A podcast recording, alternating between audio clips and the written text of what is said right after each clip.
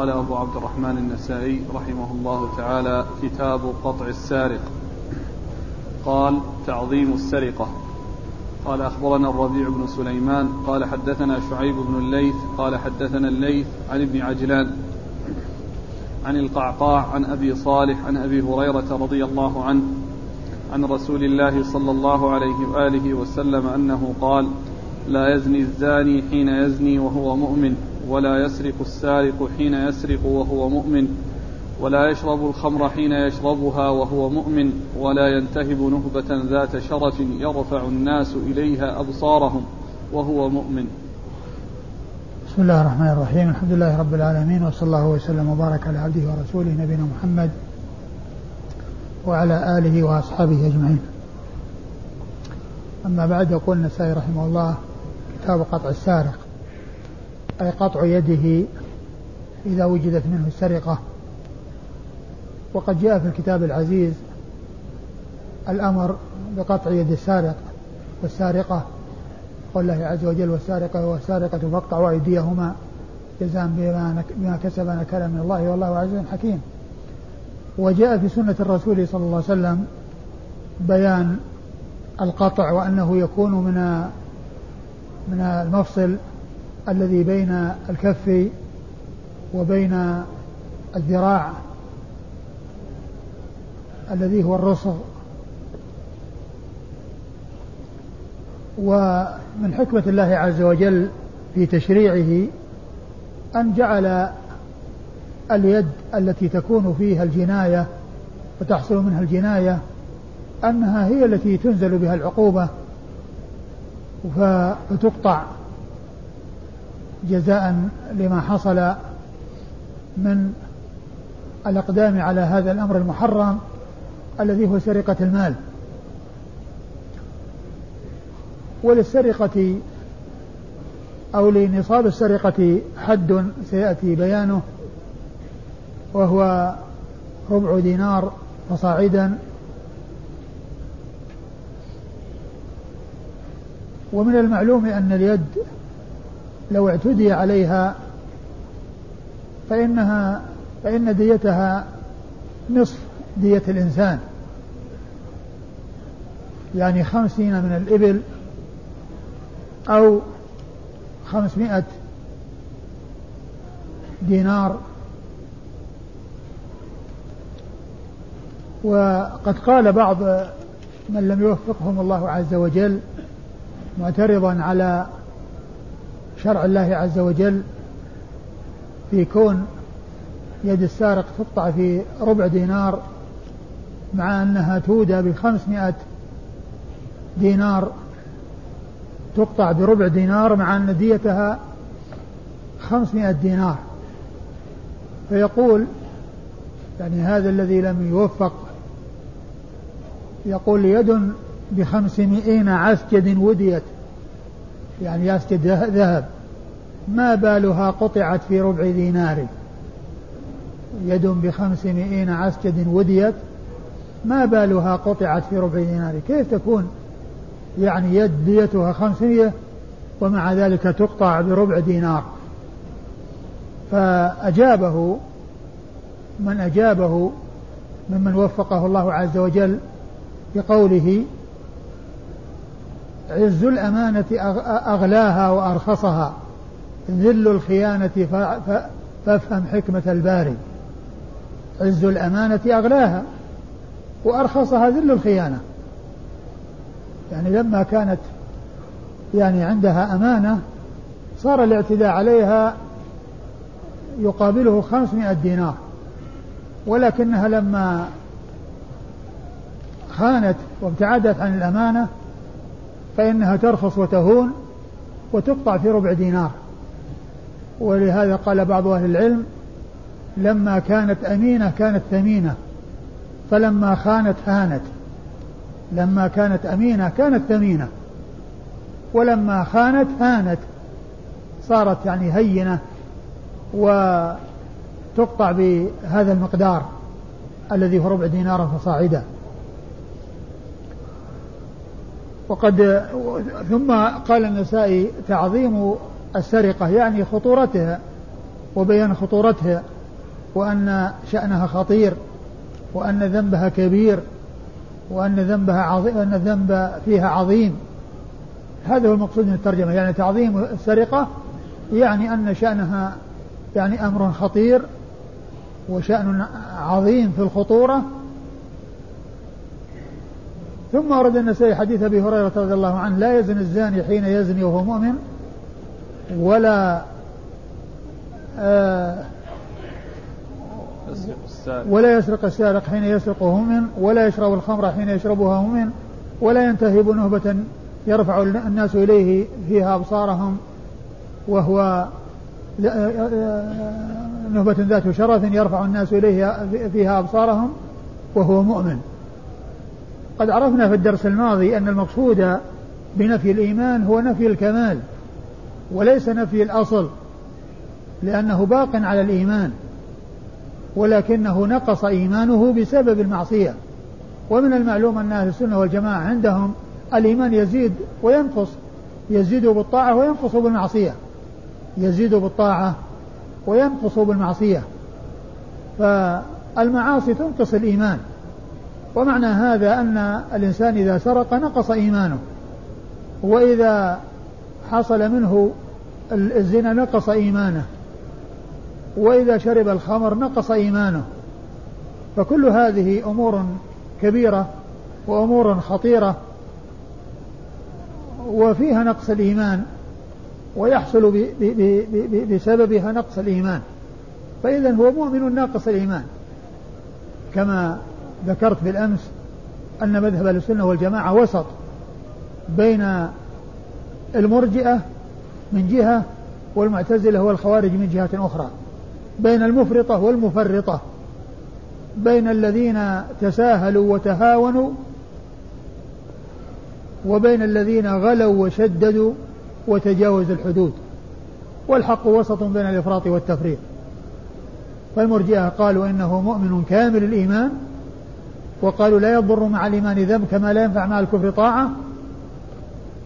أي مرتكب الكبيرة سواء كان زنا أو خمر أو شرب خمر أو سرقة وما إلى ذلك مؤمن كامل الإيمان. لا فرق بين أتقن الناس وأفجر الناس عندهم. ما دام أنه لم لم يخرج إلى الكفر ولم يكن كافرا فكل المسلمين سواء لا فرق بين أصلح الناس وأفجر الناس. بين أتقى الناس وأفجر الناس. قالوا لا يضر مع الإيمان ذنب كما لا ينفع مع الكفر يعني من الإنسان يعمل كل ما يعمل من الفجور والعصيان وهو مؤمن كامل الإيمان. لا يضره فجوره وعصيانه كما أن الكافر لا ينفعه طاعته لو أطاع. طبعا هذا تحلل وانفلات وتمرد وضياع ويقابله الذين شددوا وغلوا وقالوا أن الإنسان إذا سرق خرج من الإيمان لم يكن مؤمنا. والخوارج قالوا كافر والمعتزلة قالوا خرج من الإيمان ولم يدخل في الكفر فهو في منزلة بين منزلتين واتفقوا على أنه خالد مخلد في النار لا يخرج لا يخرج منها أبد الآباد. وأهل السنة والجماعة توسطوا. فقالوا هو مؤمن ناقص الإيمان.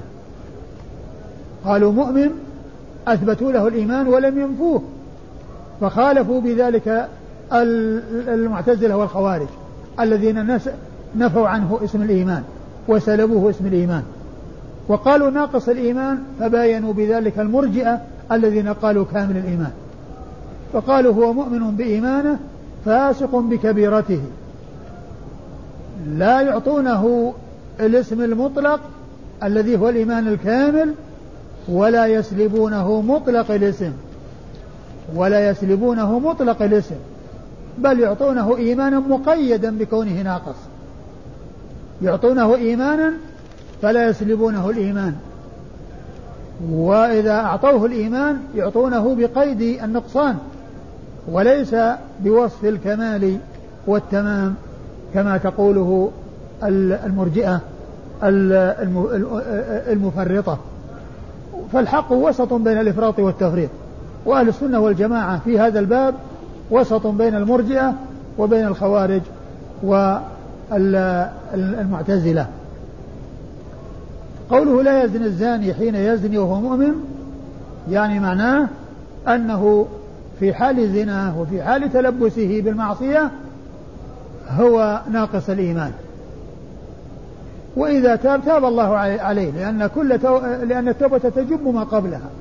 التوبة تجب ما قبلها.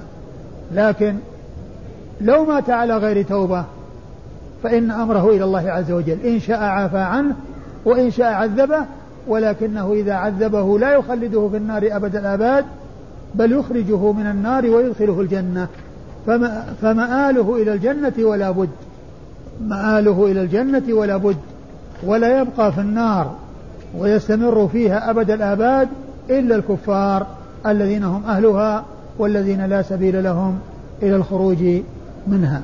لا يزني الزاني حين يزني وهو مؤمن ولا يسرق السارق حين يسرق وهو مؤمن وهذا محل الشاهد للترجمة ولا يشرب الخمر حين يشرب وهو مؤمن ولا ينتهب نهبة ذات شرف يعني ذات قيمة وذات يعني آه، وزن عند الناس يرفع الناس إليها أبصارهم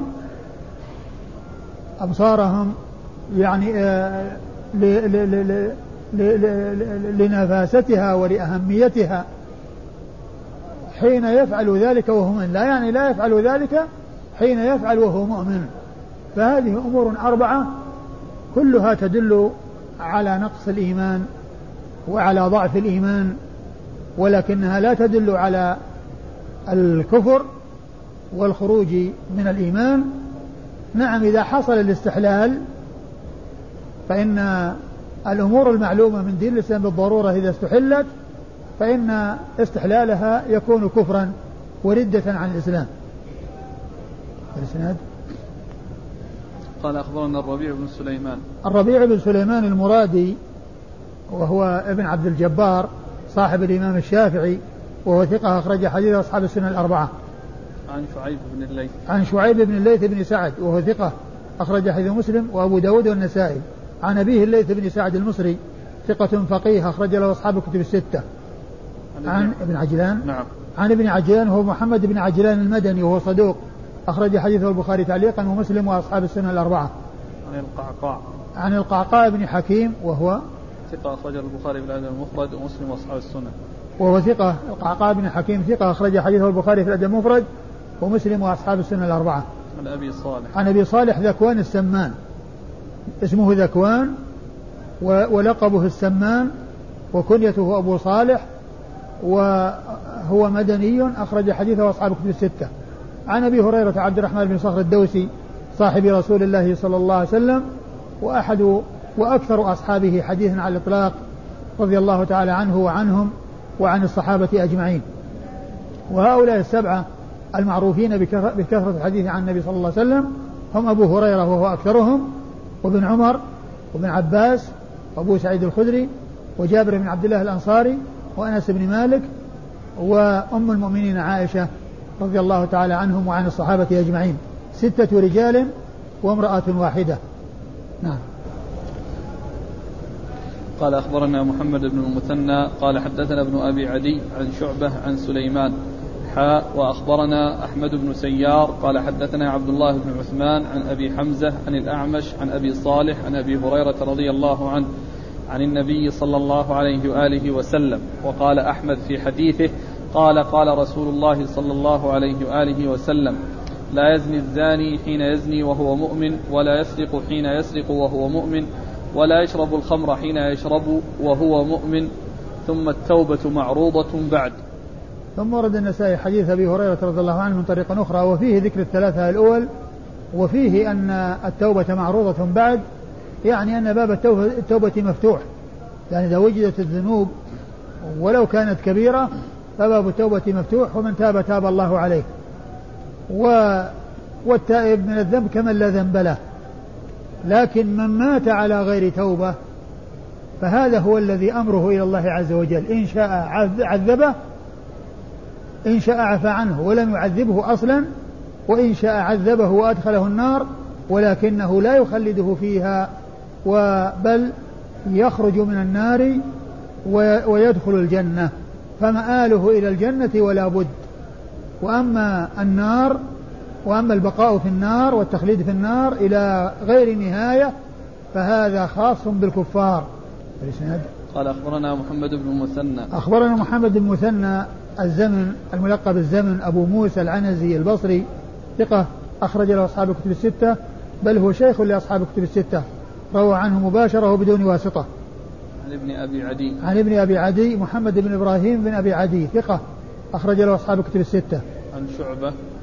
عن شعبة بن الحجاج الواسطي ثم البصري ثقة وصف بأنه أمير المؤمنين في الحديث وحديثه أخرجه أصحاب الكتب الستة. عن سليمان. عن سليمان وهو الأعمش. يعني جاء في, في هذه الطريق باسمه وهو سليمان بن مهران الكاهلي. ثقة أخرج حديث أصحاب الكتب الستة. ولقبه الأعمش. وقد جاء في الطريقة الثانية بلقبه الأعمش. وفائدة معرفة الألقاب أن لا يظن الشخص الواحد شخصين. فيما إذا جاء باسمه ثم جاء بلقبه فإن من لا يعرف يظن أن سليمان شخص وأن الأعمش شخص آخر. لكن من يعرف أن الآن سليمان بن مهران الكاهلي يلقب الأعمش إن جاء سليمان فهو معروف وإن جاء الأعمش وهو معروف شخص واحد وليس شخصين اثنين سليمان شخص والأعمش شخص وإنما هو شخص واحد.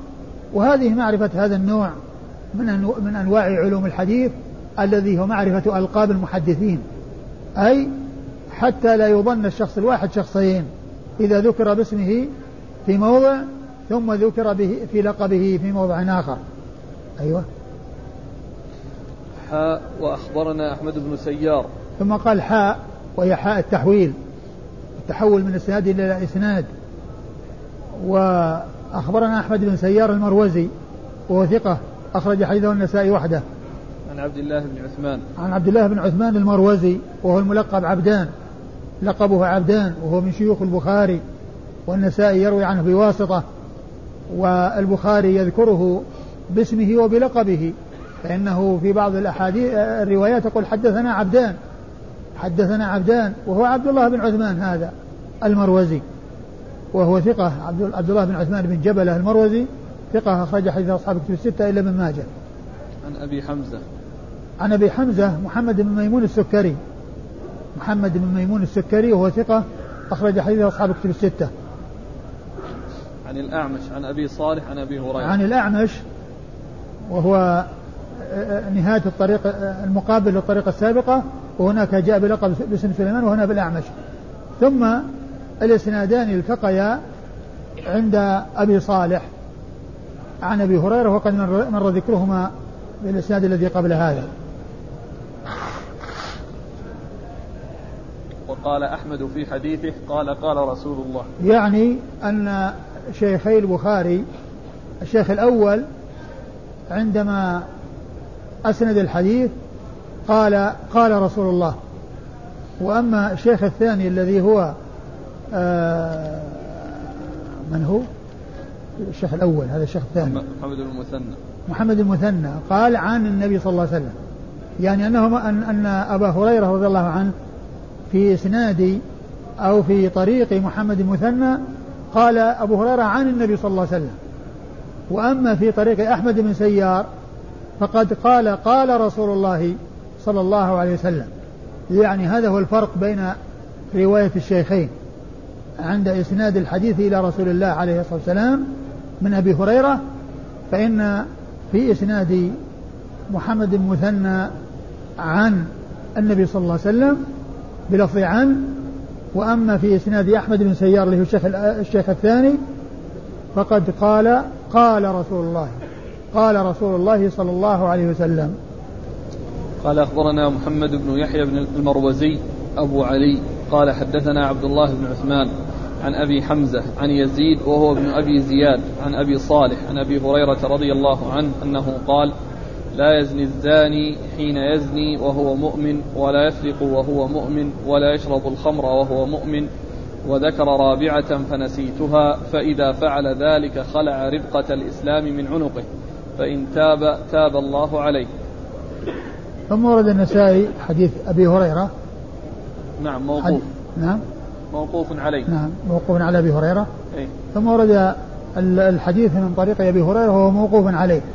قال لا يزني الزاني حين يزني مؤمن ولا يسرق الخمر حين يسرق, يسرق, يسرق السارق حين يسرقه مؤمن ولا يشرب الخمر حين يشربها مؤمن وذكر رابعة نسيتها. نعم. ثم فإذا فعل ذلك خلع ربقة الإسلام. فإذا فعل ذلك خلع ربقة الإسلام من عنقه. يعني إذا فعل هذه الأمور خلع ربقة الإسلام من عنقه. آه ثم إذا تاب؟ فإن تاب تاب الله فإن تاب تاب الله عليه. آه الذي مضى هو مثل ما تقدم. وهنا قوله فإن فعل هذه الأمور فقد خلع ربقة الإسلام من عنقه. الربقة هي الحبل الذي يوضع في آه رقبة البهيمة لتقاد بها. وهنا التعبير ربقة الإسلام يعني كأنه طوق في عنقه. فإذا حصل منه ذلك كأنما نزع هذا الطوق. فإن كأنما نزع هذا الطوق. طبعا هو كونه يخرج يعني من الإسلام إنما يكون بالاستحلال. إذا وجد الاستحلال يخرج من الإسلام في هذه الأمور. وأما بدون استحلال فإنه لا يكون كافرا ولكنه يكون مرتكبا كبيرة من الكبائر وأمر مرتكب الكبيرة إلى الله عز وجل كما عرفنا ذلك من من قبل. نعم والإسناد؟ قال أخبرنا محمد بن يحيى المروزي أبو محمد علي. بن يحيى المروزي أبو علي وهو ثقة أخرجه البخاري ومسلم والنسائي. البخاري والنسائي؟ البخاري ومسلم نعم. والنسائي. آه ثقة أخرج حديث البخاري ومسلم والنسائي. عن عبد الله بن عثمان عن أبي حمزة عن يزيد وهو ابن أبي زياد. آه عبد الله بن عثمان وأبو حمزة مر ذكرهما ويزيد بن أبي زياد ضعيف. أخرج حديثه البخاري في أدب مفرد ومسلم وأصحاب السنة الأربعة. البخاري تعليقا. البخاري تعليقا. البخاري تعليقا ومسلم وأصحاب السنة الأربعة. عن أبي صالح عن أبي هريرة. عن أبي صالح عن أبي هريرة. وفي إسناده هذا الرجل وهذه اللفظة التي هي خلع ربقة الإسلام من عنقه إنما جاءت من طريقه فهو يعني ضعيف خالف الثقات فيقال لحديثه منكر. يقال لحديثه منكر لأن المنكر هو في اصطلاح المحدثين إذا خالف الضعيف الثقات. إذا خالف الضعيف الثقات أو الثقة قيل لحديثه منكر. وإذا خالف الثقة من هو وثق منه يقال للحديث شاذ. يقال للحديث شاذ. ويأتي في اصطلاح بعض العلماء أن يعني النكارة أو يعني المناكير يعني يطلق على الأفراد يعني يطلق على ما جاء من طريق مفرد ولو كان صحيحا. وهذا اصطلاح خلاف المشهور. مشهور عند العلماء أن المنكر مقابل يعني للمعروف والمعروف رواية الثقة والضعيف والمنكر رواية الضعيف. فالضعيف إذا خالف الثقة قيل لحديثه منكر. لكن في اصطلاح بعض العلماء كالإمام أحمد أنه يطلق المناكير أو يعني ما كان كذلك على من كان متفردا بالحديث وإن كان ثقة. ومن المعلوم أن مثل هذا لا يؤثر. وكم في الصحيح أو في الصحيحين من حديث جاء من طريق واحد؟ ومن أمثلة ذلك فاتحة كتاب البخاري وخاتمته. حديث إنما الباب النيات جاء من طريق واحد. وحديث أبي هريرة كلمتان حبيبة للرحمن اللي هو خاتمة صحيح البخاري جاء من طريق واحد. فالفاتحة عند البخاري والخاتمة من آه من مما يعني مما لم يأتي إلا من طريق واحد. فهذا هو الذي يقال له يعني آه يروي المناكير أو يعني في حديثه مناكير أو كذا. يعني في اصطلاح بعض العلماء. وقد أشار إلى هذه الفائدة الحافظ بن حجر في مقدمة الفتح عند ترجمة بريد بن عبد الله بن أبي بردة. بريد بن عبد الله بن أبي بردة بن أبي موسى الأشعري عند ترجمته في مقدمة الفتح ذكر اصطلاح الإمام أحمد ويعني في مثل هذا التعبير. قال أخبرنا محمد بن عبد الله بن المبارك المخرمي قال حدثنا أبو معاوية قال حدثنا الأعمش حاء قال أخبرنا أحمد بن حرب عن أبي معاوية عن الأعمش عن أبي صالح عن أبي هريرة رضي الله عنه أنه قال قال رسول الله صلى الله عليه وآله وسلم لعن الله السارق يسرق البيضة فتقطع يده ويسرق الحبل فتقطع يده. ثم ورد النسائي آه هذا الحديث وهو حديث أبي هريرة لعن الله السارق يسرق البيضة فتقطع يده ويسرق الحبل فتقطع يده. هنا فيه لعن السارق ووصفه باللعن وفيه حد في الدنيا الذي هو السرقة وهو من الكبائر لأن الكبائر المشهور في تعريفها ما كان عليه حد في الدنيا أو توعد عليه بغضب أو لعنة أو نار. وهذا اجتمع فيه التوعد باللعنة والغضب والنار والحد في الدنيا. الحد في الدنيا القطع قطع اليد والتوعد باللعنة هو في هذا الحديث. لعن الله السارق يسرق البيضة فتقطع يده. والبيضة المقصود بها بيضة الدجاجة وهو إشارة إلى يعني قلة يعني ذلك الشيء الذي يقطع به. ومن المعلوم أن البيضة تكون أقل من ربع الدينار. الذي جاء في الحديث لا تقطع يد إلا في ربع دينار فصاعدا. إلا في ربع دينار فصاعدا. والبيضة يعني آه ثمنها قليل وأقل من هذا المقدار. وقد آه أجاب بعض أهل العلم عن هذا بأن الإنسان إذا تعود السرقة وتهاون في سرقة الشيء اليسير الذي لا يؤدي إلى القطع جره ذلك إلى سرقة الشيء الذي يقطع به. لأن من تعود الخيانة ولو كان في الشيء القليل سهل عليه الزيادة فيما يخون به. لكنه إذا ابتعد عن الحرام ولو كان قليلا فإنه يبتعد عن الوصول إلى ما تستحق به العقوبة. على الجناية. وكذلك الحبل يعني قيل هو الحبل اليسير. ومن أهل العلم من قال لعل المقصود الجنس يعني جنس البيضة وجنس الحبل. يعني ومن المعلوم أن الجنس يطلق على العدد. ومعنى ذلك أن أن أن يعني يسرق عددا من البيض يصل إلى نصاب السرقة الذي هو ربع دينار فيقطع به. والمقصود من ذلك يعني آه، بيان أن هذه الأمور الحقيرة التي قد يتساهل الإنسان بها قد يصل إلى فعل ما يستحق به قطع اليد لكونه لكون ذلك وسيلة إلى لأن سرقة القليل يكون وسيلة إلى سرقة الكثير. ومن هان عليه أخذ القليل سهل عليه أخذ الذي وراءه والذي يزيد عليه ولكنه إذا عف وابتعد عن القليل فهو عن الكثير أبعد قال أخبرنا محمد بن عبد الله بن المبارك المخرمي وهو ثقة أخرج حديثه البخاري وأبو داود والنسائي عن أبي معاوية عن أبي معاوية محمد بن خازم وهو ثقة أخرج حديثه أصحاب الكتب الستة. عن الأعمش قال حاء وأخبرنا أحمد بن حرب. الأعمش مر ذكره وأحمد بن حرب هو الموصلي وهو صدوق أخرج حديثه النسائي وحده. عن أبي معاوية عن الأعمش عن أبي صالح عن أبي هريرة. عن أبي معاوية عن عن الأعمش إيش الإسناد الأول؟ الإسناد الأول؟ لا اقرأه. قال أخبرنا محمد بن عبد الله بن المبارك المخرمي قال حدثنا أبو معاوية أيوة. قال حدثنا الأعمش حاء أيوة. وأخبرنا أحمد بن حرب عن أبي معاوية عن الأعمش يعني الفرق بينهم يعني من حيث الصيغة يعني بين ال... بين أبي معاوية والأعمش. يعني في الطريقة الأولى قال حدثنا والطريقة الثانية قال فيها عن.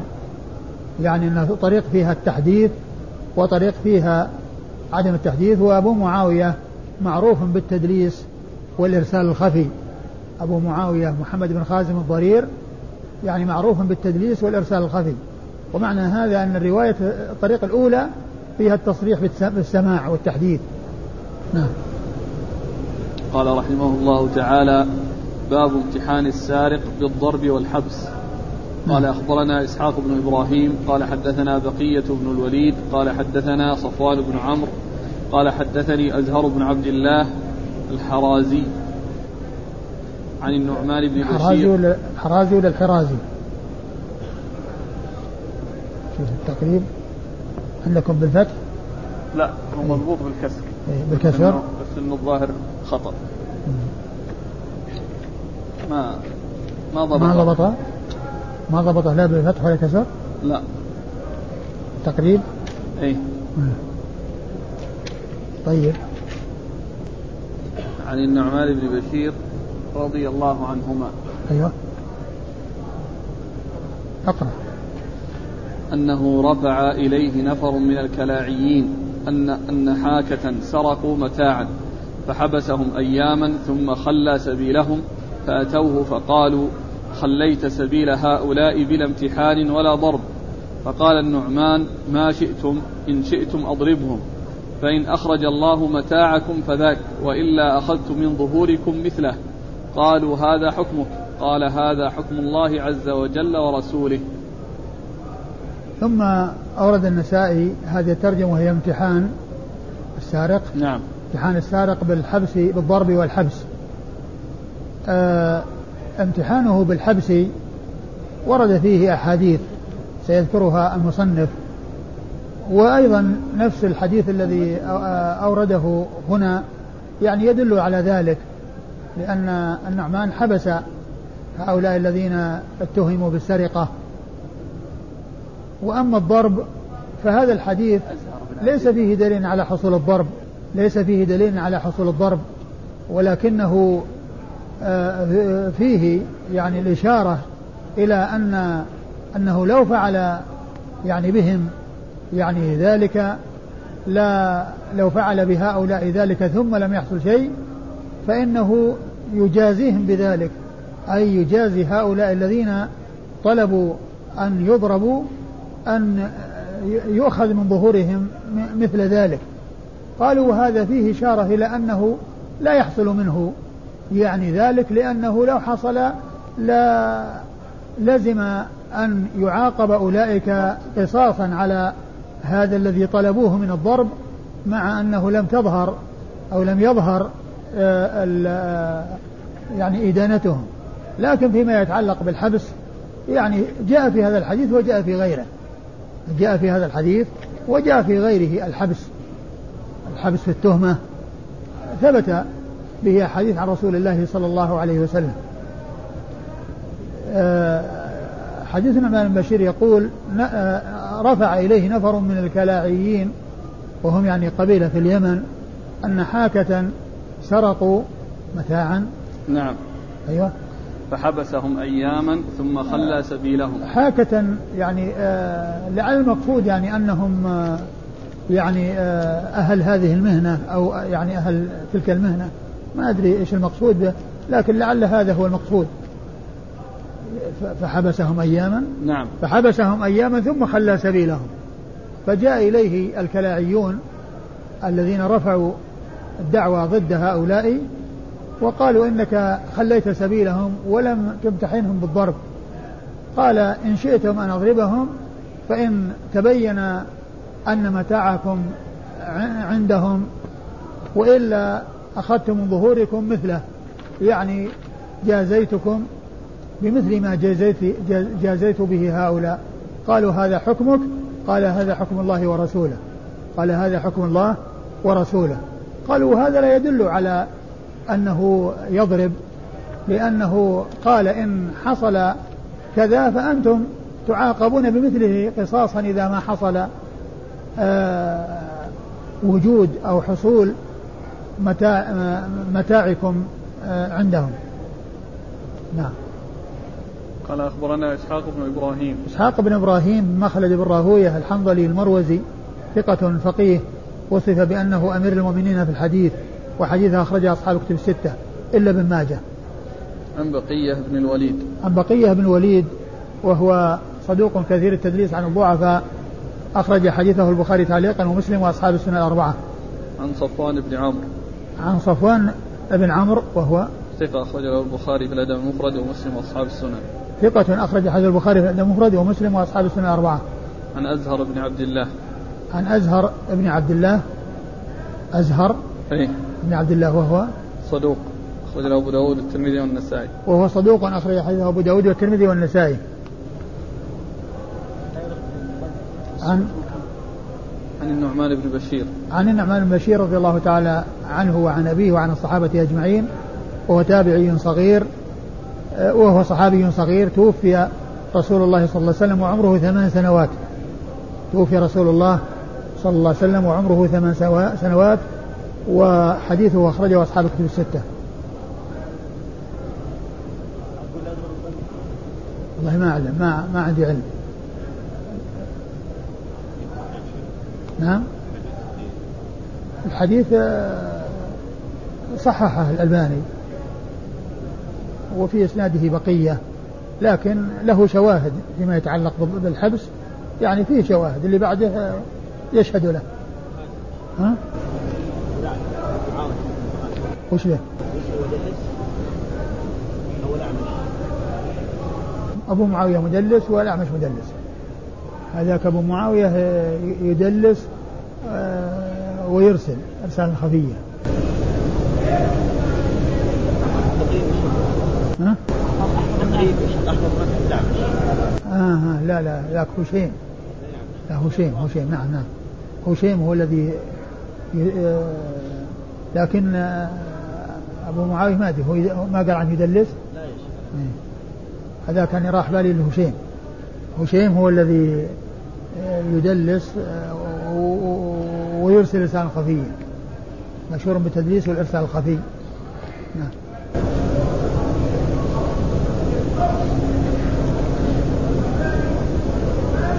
هذا بالنسبة للحرازي. لكن كما هو معلوم يعني آه، يعني مو لازم إنه يعني يكون الشخص يعني مدلس لأن آه، بيان الصيغة. ولهذا يعني في الروايات التي مرت عن أبي هريرة يعني ذكر الفرق الذي قال عن والذي قال قال رسول الله. وأبو هريرة هو الذي أضاف ذلك إلى الرسول صلى الله عليه وسلم. وإنما المقصود بيان الصيغة. يعني ولو لم يكن المسألة يعني يترتب عليها شيء يعني من حيث الحكم الكل سواء يعني بالنسبة للراوي إذا لم يكن مدلس. بالنسبة للأزهر بن عبد الله. أيوة. وش هي؟ هو يقول أزهر بن عبد الله بن جميع الحرازي بدون ضبط. لكن قال في آخر ترجمته وجزم البخاري بأنه ابن سعيد. ابن سعيد أزهر بن سعيد الحرازي ضبطها بالقلم. ضبطها بالحرف ولا بالشكل؟ بالح... بال... بالقلم. بالشكل؟ أي. أي. الشكل هذا ما بمهملة. ها؟ بمهملة.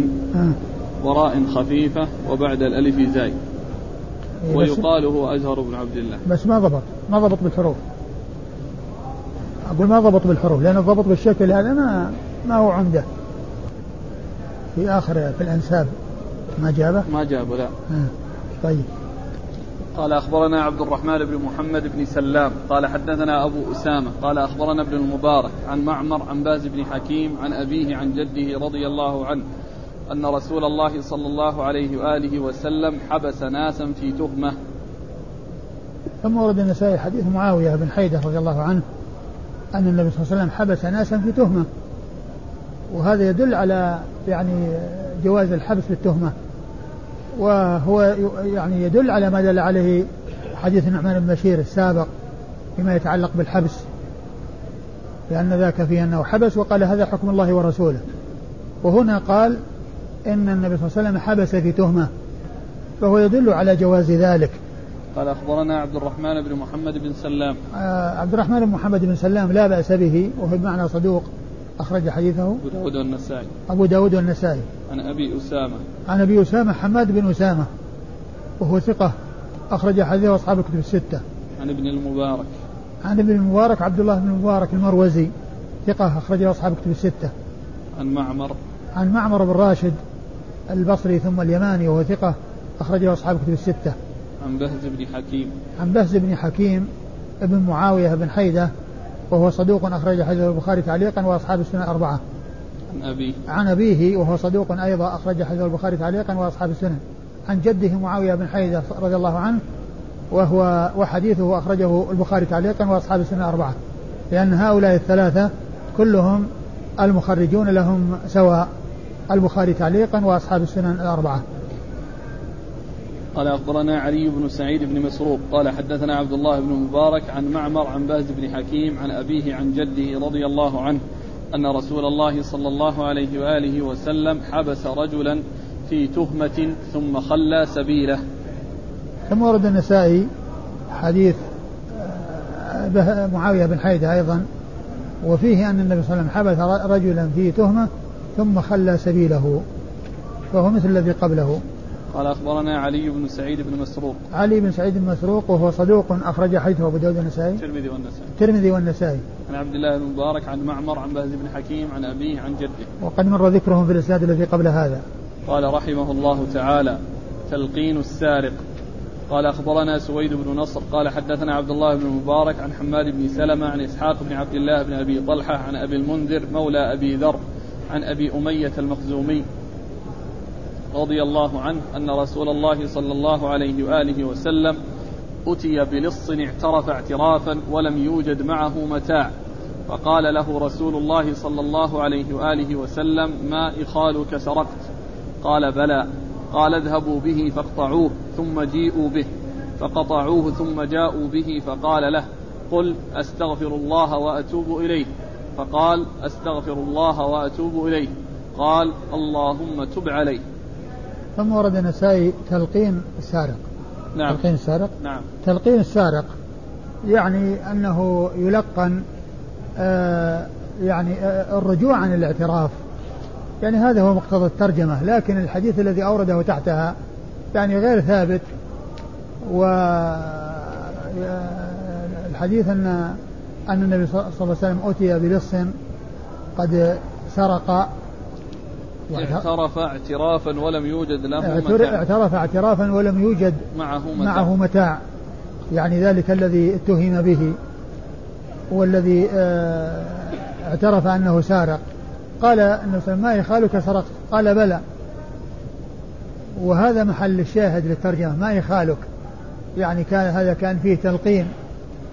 ولعل المقصود من هذا أنه يعني آه، رأى يعني عليه أنه لما لم يوجد معه كذا أو عنده, أو عنده شيء من الغفلة أو ما إلى ذلك ولكنه أكد ذلك يعني حيث قال بلى قد سرقت. إيش قال بعده؟ قال اذهبوا به فاقطعوه ثم جيئوا به. قال اذهبوا به فاقطعوه يعني بناء على اعترافه ثم جيئوا به. ولما جيء به قال قل. قل أستغفر الله وأتوب إليه. فقال ذلك.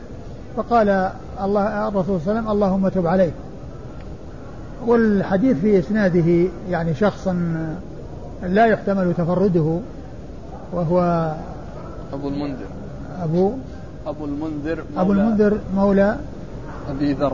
مولى أبي ذر. نعم مقبول. الإسناد. قال أخبرنا سويد بن نصر.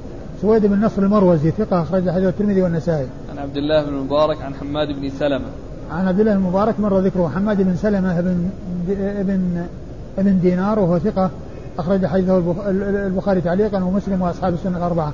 عن إسحاق بن عبد الله بن أبي طلحة. عن إسحاق بن عبد الله بن أبي طلحة وهو ثقة أخرجه أصحاب كتب الستة. عن أبي المنذر مولى أبي ذر. وهذا مقبول أخرج حديثه أبو داود والنسائي وابن ماجه. أبو داود والنسائي وابن ماجه. عن أبي أمية المخزومي. عن أبي أمية المخزومي صاحب رسول الله صلى الله عليه وسلم وله هذا الحديث الواحد أخرجه أبو داود والترمذي والنسائي. أبو داود والنسائي. أبو داود والنسائي وابن ماجه. قال رحمه الله تعالى الرجل يتجاوز للسارق عن سرقته بعد أن يأتي به الإمام وذكر الاختلاف على عطاء في حديث صفوان بن أمية فيه. قال أخبرنا هلال بن العلاء قال حدثني أبي قال حدثنا يزيد بن زريع عن سعيد عن قتادة عن عطاء عن صفوان بن أمية. رضي الله عنه أن رجلا سرق بردة له فرفعه إلى النبي صلى الله عليه وآله وسلم فأمر بقطعه فقال يا رسول الله قد تجاوزت عنه. فقال أب فقال أبا وهب أفلا كان قبل أن تأتينا به؟ فقطعه رسول الله صلى الله عليه وآله وسلم. ثم ورد النسائي هذه الترجمة وهي آه، الرجل يتجاوز للسارق عن سرقته بعد أن يأتي به الإمام. الرجل يتجاوز عن السا... يتجاوز للسارق عن سرقته. للسارق عن سرقته بعد أن يرفعه إلى الإمام. يعني أن هذا لا ينفع. ومعنى ذلك أنه إذا تجاوز قبل الرفع إلى الإمام فإن ذلك ينفع.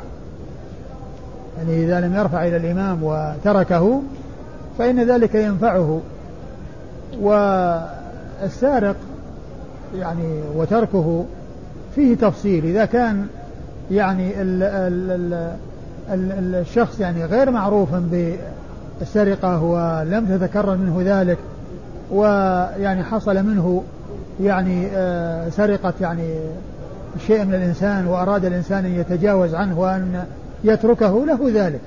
وإذا كان أنه معروف بالفساد أو يعني آه، آه، يحصل منه ضرر يعني وإلحاق الضرر بالناس في وصول في الوصول إلى ذلك فإن مثل هذا لا يصلح التهاون في شأنه لأن التخلص من هذا وإيقاع العقوبة يعني على مثل هذا هذا من الأمور التي فيها مصلحة وفي وفيها فائدة يعني للناس. وقد أورد النسائي حديث صفوان بن أمية رضي الله عنه أنه أن رجلا سرق بردا بردة نعم.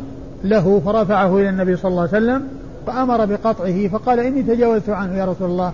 قال أبا وهب هلا كان ذلك قبل أن تأتينا به؟ يعني لو كان يعني فعلت ذلك قبل أن تأتينا به أمكن.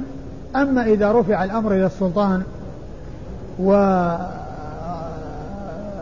فليس يعني لأحد أن لأن يتنازل ولا لأحد أن يشفع ولا لأحد أن يشفع في تخليصه وتركه.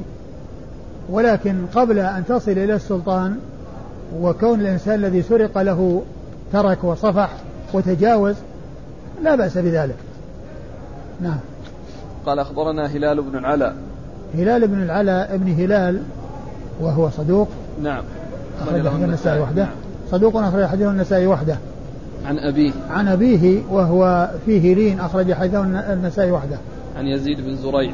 عن يزيد بن زريع وهو ثقة أخرجه أصحاب الكتب الستة. عن سعيد. عن سعيد بن أبي عروبة وهو ثقة أخرجه أصحاب الكتب الستة. عن قتادة. عن قتادة من دعامة السدوسي البصري ثقة أخرجه أصحاب الكتب الستة. عن عطاء. عن عطاء بن أبي رباح وهو ثقة المكي أخرجه أصحاب الكتب الستة. عن صفوان بن أمية. عن صفوان بن أمية رضي الله عنه وحديثه أخرجه أبو داود البخاري تعليقا مسلم وأصحاب السنة. البخاري تعليقا ومسلم وأصحاب السنة الأربعة. قال أخبرنا عبد الله بن أحمد بن محمد بن حنبل قال حدثنا أبي قال حدثنا محمد بن جعفر قال حدثنا سعيد عن قتادة عن عطاء عن طارق بن مرقع عن صفوان بن أمية رضي الله عنه أن رجلا سرق بردة فرفعه إلى النبي صلى الله عليه وآله وسلم فأمر بقطعه فقال يا رسول الله قد تجاوزت عنه. قال فلولا كان هذا قبل أن تأتيني به يا أبا وهب فقطعه رسول الله صلى الله عليه وآله وسلم. ثم ورد حديث صفوان بن أمية من طريق ابن أمية من طريق أخرى وهو مثل الذي قبله. والإسناد يقول أخبرنا عبد الله بن أحمد بن محمد بن حنبل وهو ثقة أخرج حديثه النسائي وحده. عن أبيه الإمام أحمد بن حنبل وهو آه الإمام مشهور أحد أصحاب المذاهب الأربعة المشهورة من مذاهب أهل السنة. نعم. وحديثه أخرجه أصحاب كتب الستة. عن محمد بن جعفر. عن محمد بن جعفر غندر البصري ثقة أخرجه أصحاب كتب الستة. عن سعيد عن قتادة عن عطاء عن طارق بن مرقع. مر ذكر الثلاثة وطارق بن مرقع هو مقبول أخرج حديث النسائي وحده. عن صفوان بن أمية. وقد مر ذكره. قال أخبرنا محمد بن حاتم بن نعيم قال أخبرنا حبان قال أخبرنا عبد الله عن الأوزاعي قال حدثنا عطاء بن أبي رباح أن رجلا سرق ثوبا فأتي به النبي صلى الله عليه وآله وسلم فأمر بقطعه فقال الرجل يا رسول الله هو له فقال فهلا قبل الآن ثم ورد النسائي الحديث وهو مرسل عن عطاء ومثل الذي قبله والإسناد.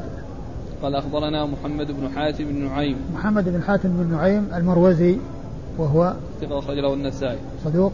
ثقة. ثقة أخرج حديثه النسائي وحده. عن حبان. عن حبان بن موسى المروزي وهو ثقة أخرج حديث البخاري ومسلم والترمذي والنسائي. عن عبد الله عن الأوزاعي عن عبد الله وهو ابن المبارك وهو ثقة أخرجه أصحاب كتب الستة وهو مروزي أيضا. عن عبد الله عن, عن الأوزاعي عبد الرحمن بن عمرو الأوزاعي ثقة فقيه أخرج حديثه أصحاب كتب الستة. عن عطاء بن أبي رباح. عن عطاء بن أبي رباح وقد مر ذكره. والله تعالى أعلم وصلى الله وسلم وبارك على عبده ورسوله نبينا محمد وعلى آله وأصحابه أجمعين.